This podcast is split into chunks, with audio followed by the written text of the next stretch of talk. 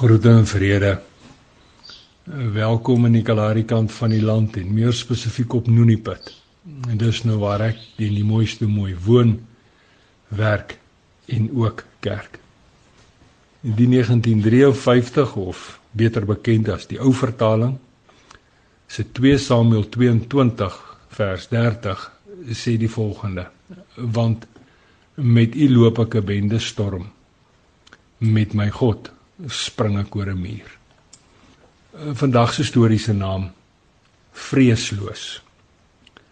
Die ou opstal waar Corneels en Bessie goed woon, staan heel eensaam en alleen neffens 'n groterige geval wit sonduin. Die opstal wat uit die vorige eeu dateer, se erf is besonder netjies en hy't skoon gehark. Selfs die pele van die prosopusse is opgetel.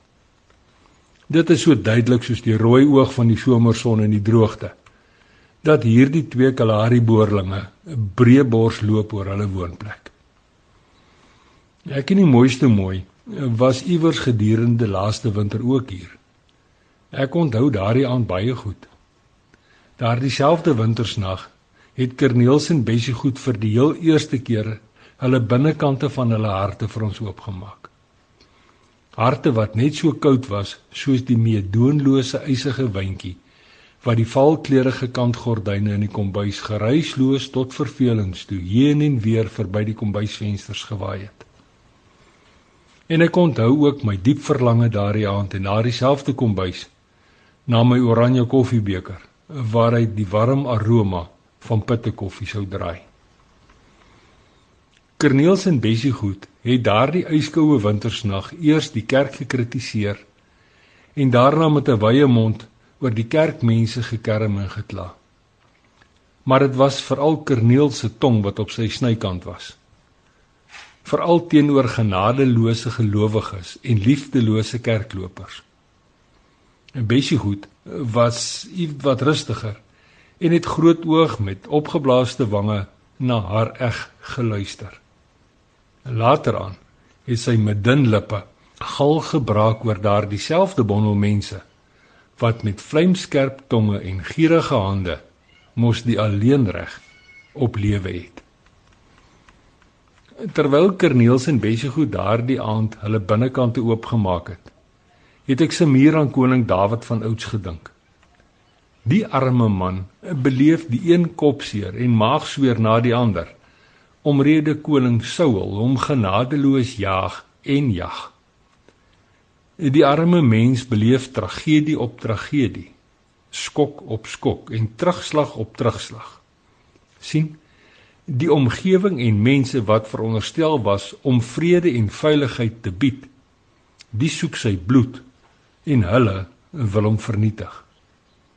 Net soos daardie kerkmense ook maar met Kerneels en Bessie goed wil doen. Die jonge Dawid, ten spyte van die Here se toekomsplanne vir hom, beleef die een woeste lewensstorm na die ander. Sy hele wese en menswees word in aanskoue van Israel asook die hele wye wêreld onder 'n vergrootglas geplaas. In die proses verloor hy alles, wel amper alles wat vir die hedendaagse mense goed van waarde, vreugde en selfs identiteit sou verskaf.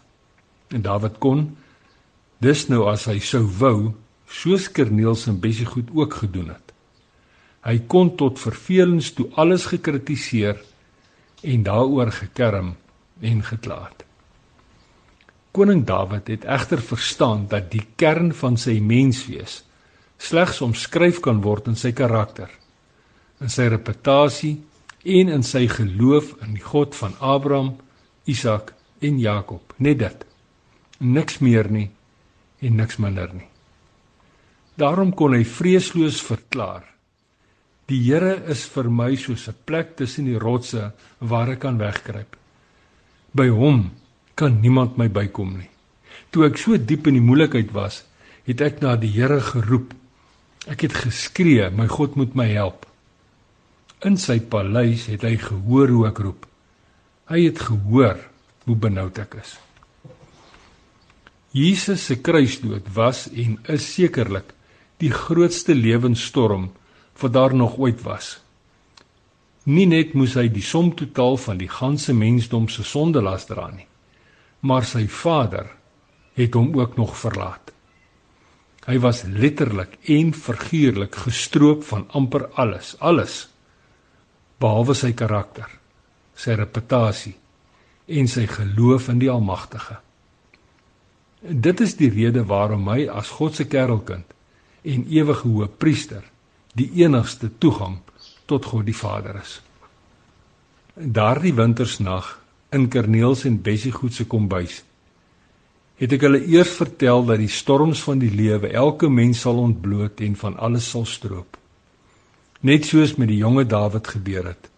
En so ook met Jesus wat as God se kerelkind doelbewus vir ons as mense goed eers verraai en daarna verloon, verhoor, vermink en uiteindelik vermoor is.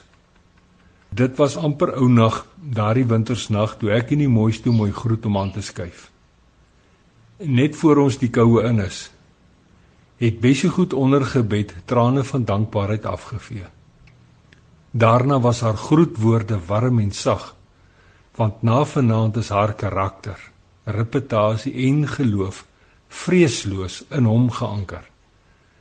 Nou kan sy met oortuiging vir daardie bondel genadeloose gelowiges en liefdelose kerklopers sê: "Oor julle worry ek nie meer nie, want met hom loop ek die dikste sand en met my God durf ek enige dwarsstein aan."